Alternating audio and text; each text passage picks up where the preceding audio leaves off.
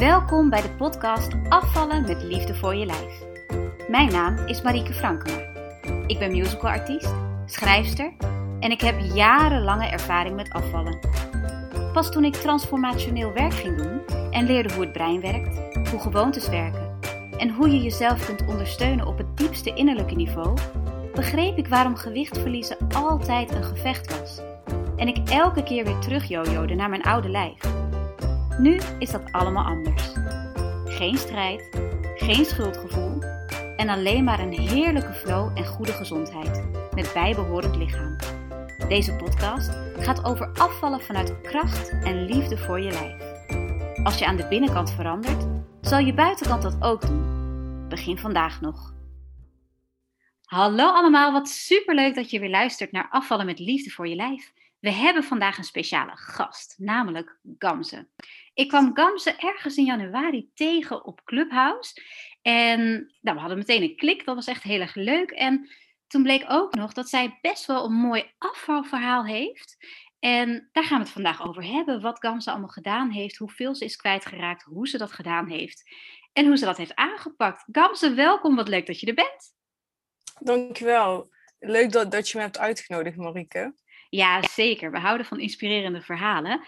Vertel eens wat meer over jezelf. Wie ben je? Ik ben Gamze, 25 jaar. Ik uh, studeer nog. Uh, ik doe de opleiding Fiscaal Recht. En uh, ja, in november kreeg ik het idee om een eigen bedrijf te gaan starten.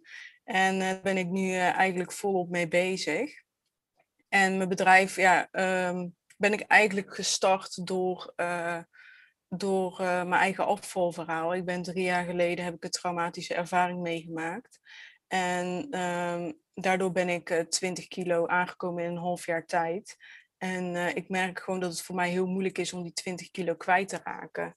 En ik zocht het altijd in beweging en voeding. En op het moment dat ik ja, me ging richten op mijn mindset, ver veranderde er veel meer. En werd ik ook mm -hmm. gewoon steeds gelukkiger.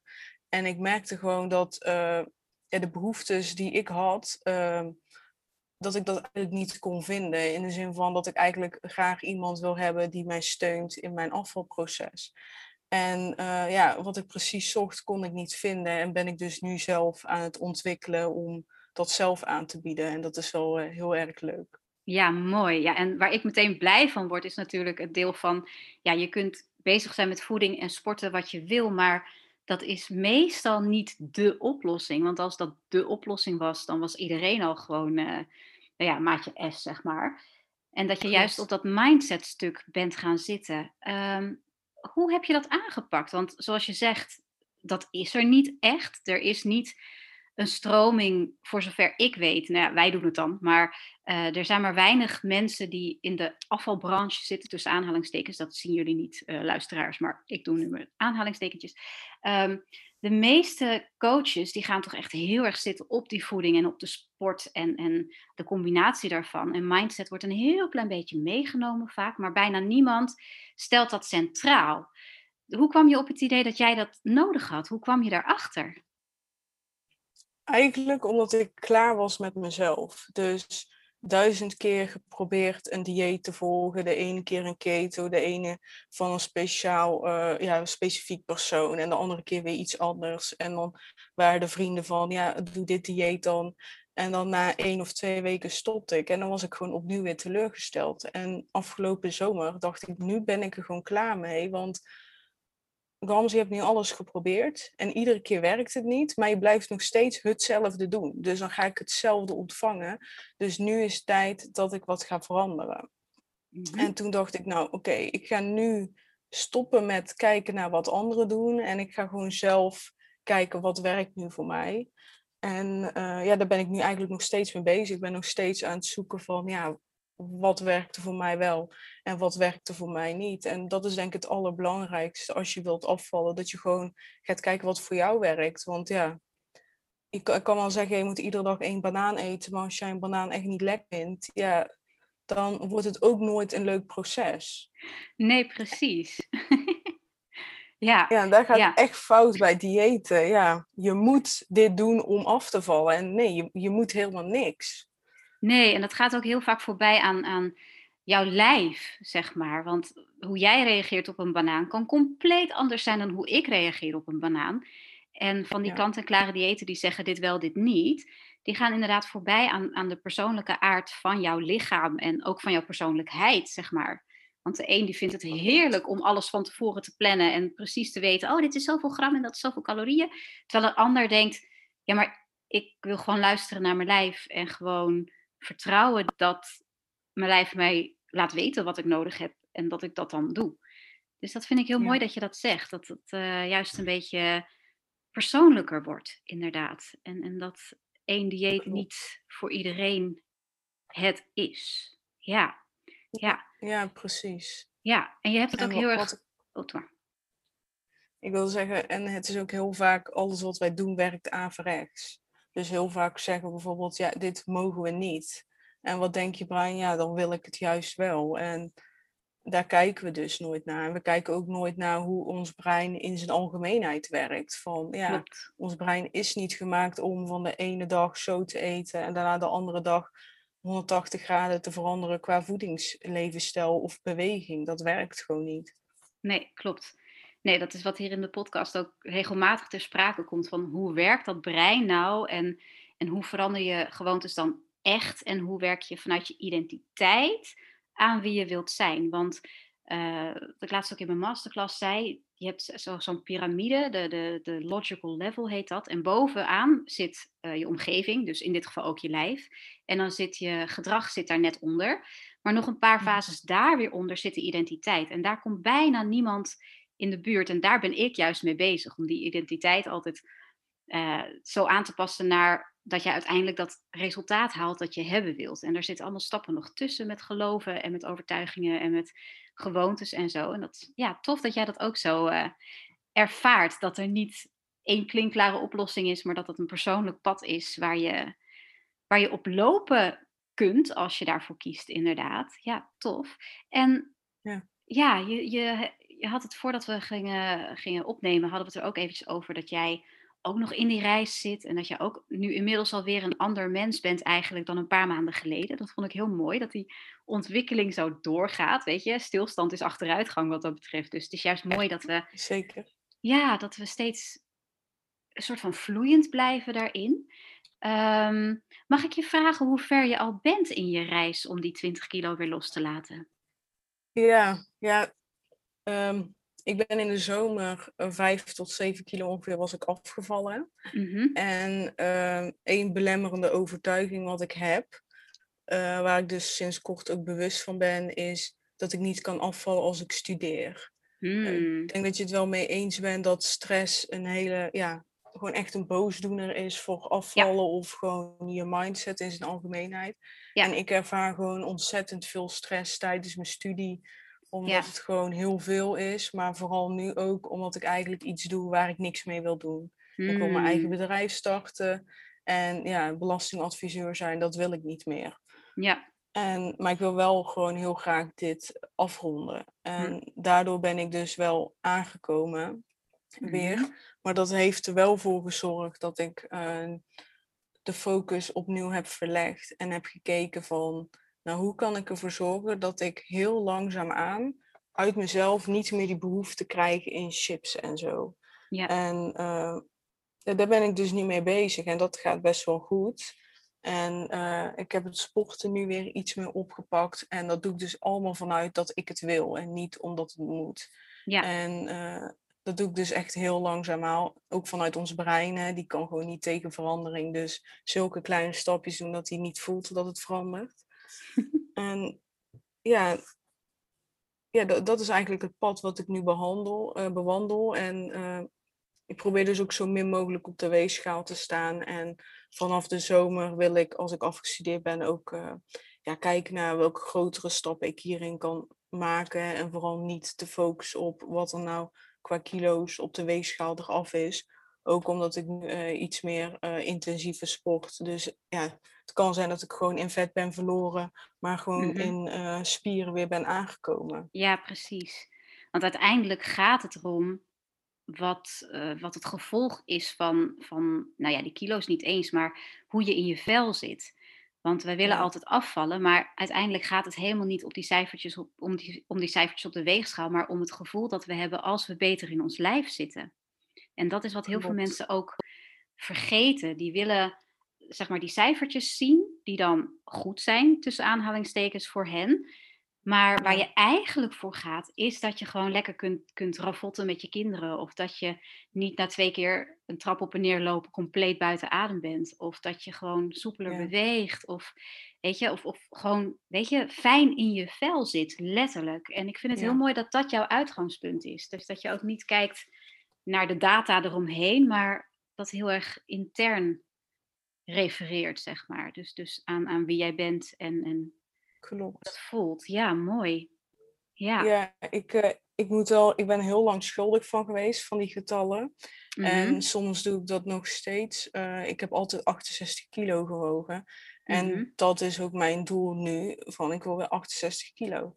En op Clubhouse eh, zei ik dat. En toen zei Eline tegen mij van, Gamze, wil jij nu echt 68 kilo wegen? Of wil jij het gevoel hebben wat je toen had toen je 68 woog? En toen Ja. besefte ik echt van, ja, maar dat is het. Ja, Dus ik moet naar dat gevoel toe gaan. En dan kan ik nog steeds straks 68 wegen. Maar ik kan er wel voor zorgen dat ik dat gevoel eerder ga creëren. klopt. Ja, en als je ook eventjes de law of attraction erbij pakt, want dat, dat doe ik hier Ja. regelmatig in de podcast. Op het moment dat jij het gevoel creëert van hoe je in je vel wil zitten en hoe jij gelukkig bent. En, en als je dat vast gaat voelen, dan maak je dat Mhm. eerder realiteit dan wanneer je probeert de realiteit aan te passen om zo het gevoel voor elkaar te krijgen. Dus dat is ook heel mooi dat je dat zegt. Dat je je wil voelen alsof, maar dat het niet zo hoeft te zijn om het ook daadwerkelijk te voelen. En daarin voel ik een stukje compassie ook met jezelf. En ook een stukje, ja, zoals de podcasttitel al zegt, liefde voor jezelf. Hoe ervaar Ja. jij dat? Ja, ik wil eigenlijk gelijk een vraag hierover stellen. En hoe Tuurlijk. ik dat ervaar. Ik heb dus, ik weet precies hoe de wet van aantrekking werkt en daar probeer ik mee te werken. En soms is dat ook frustrerend, omdat ik denk Mhm. van, ik doe nu iets wat lijn eh, in strijd is met de wet van aantrekking. Waar ik dus bijvoorbeeld moeite mee heb. Als ik eh, naar de kledingkast loop en dat ik een belangrijke dag heb en ik iets leuks wil aantrekken en ik eigenlijk mijn huidige kleding niet echt mooi vind of het zit dan te strak en, Hm. en dan ben ik dus in strijd met de wet van aantrekking ben ik aan het werken, maar ook op het moment als ik in de spiegel kijk en ik denk, oh nee, die buik of oh nee, die benen, dan denk ik ook, nee, Gamze, doe het niet. Maar ik wil ook leren om weer positief in de spiegel te kijken, maar de ene keer lukt dat en de andere keer weer niet. Ja, Heb je daar tips voor?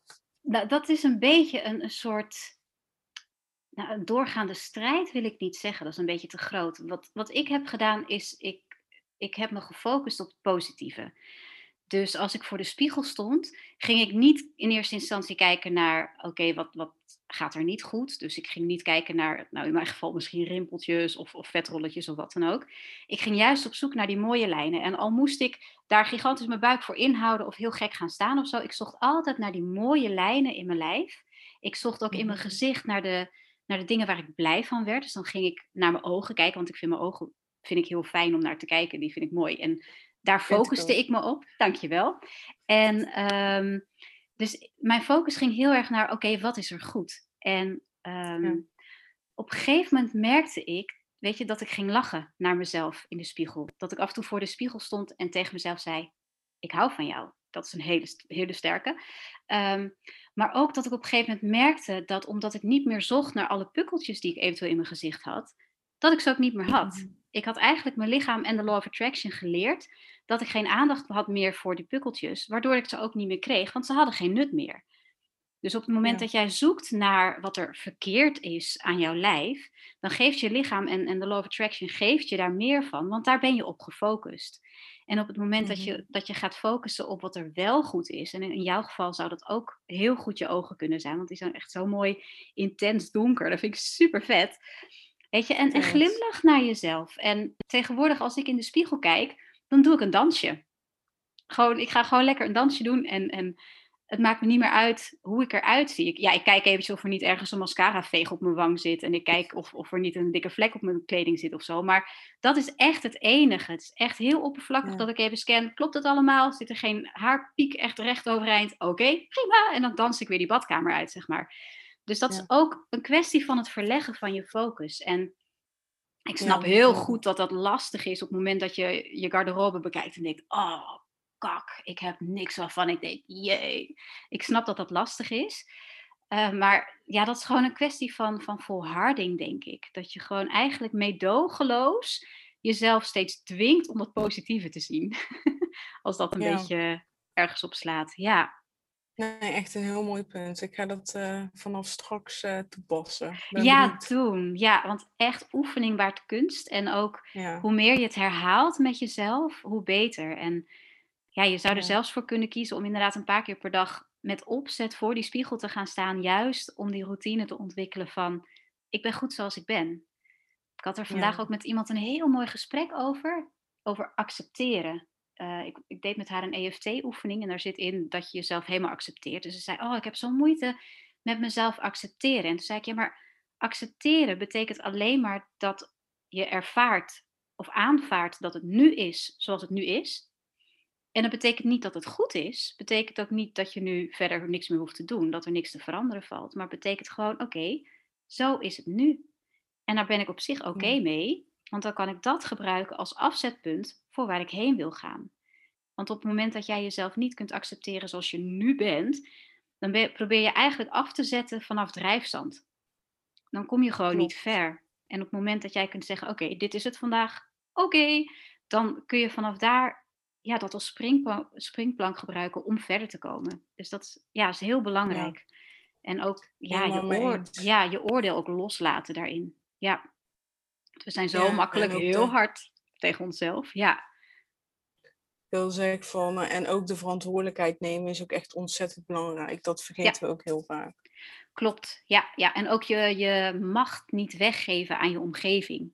Dus ja, ja weet je, ja, inderdaad je, je verantwoordelijkheid bij jezelf houden en niet de schuld geven aan, ja maar dit, ja maar dat, ja maar die was gemeen tegen mij, ja maar dat lukte niet, want nee, own it. Je lichaam is van jou, jouw keuzes zijn van jou en je doet altijd je best, ga daar ook van uit. Dus je hoeft jezelf ook niet verwijten te maken, want je doet je best. Maar juist onze negatieve emotionele lading daarachter, die haalt ons vaak onderuit en dat is dan zo zonde. Ja. Precies, ja, echt helemaal mee eens. Ja, ja ik heb ook best wel uh, lang een tijdje gestruggeld met uh, ja, gewoon accepteren, maar ook de verantwoordelijkheid nemen. Omdat ik eigenlijk uh, het aankomen gaf ik mijn partner de schuld. Omdat mijn partner best wel ongezond leefde toen wij een relatie kregen. En ik ben mhm. iedere keer met hem meegegaan. En dat werd steeds erger, erger en erger. Maar uiteindelijk heb ik de keuze gemaakt om met hem die chips te eten. En uiteindelijk heb ik ook de keuze gemaakt om daarin te gaan. Ik had gewoon kunnen zeggen: stop, nu, nu gaan we dit niet meer doen. Ik, ik wil dit niet meer. En dat heb ik niet gedaan. Mhm. Dus ik kan hem niet de schuld geven. En dat heb ik heel lang wel gedaan. Op het moment dat je inderdaad het hef in eigen handen neemt, dat betekent dus ook dat jij het kan veranderen. Want als het echt mijn partner zijn schuld was, dan kon ik er nu niks meer aan doen en kon ik ook de toekomst niet veranderen. Nee, precies. En dan geef je inderdaad al je macht die je hebt, geef je weg. En dat is uh, zonde. Ja, tof. Mooie conversatie. Ik ga jou zeker blijven volgen op, op jouw pad hierin. Uh, voor alle luisteraars, Gams heeft zelf ook een podcast die ook gaat over haar, uh, haar, haar afvalreis, zeg maar. Dus check die ook eventjes, want dat is echt heel tof. Is er nog iets wat je graag wil zeggen aan de, aan de luisteraars van Afvallen met Liefde voor je Lijf? Ik zou willen zeggen, als je dezelfde struggles hebt die ik heb, uh, dat je jezelf echt dingen moet gunnen en niet te streng zijn op jezelf. Want op het moment dat je stopt met streng zijn naar jezelf, dan gebeurt eigenlijk het averechtse wat je verwacht. Dan gaan dingen lukken. Ja, oh mooi.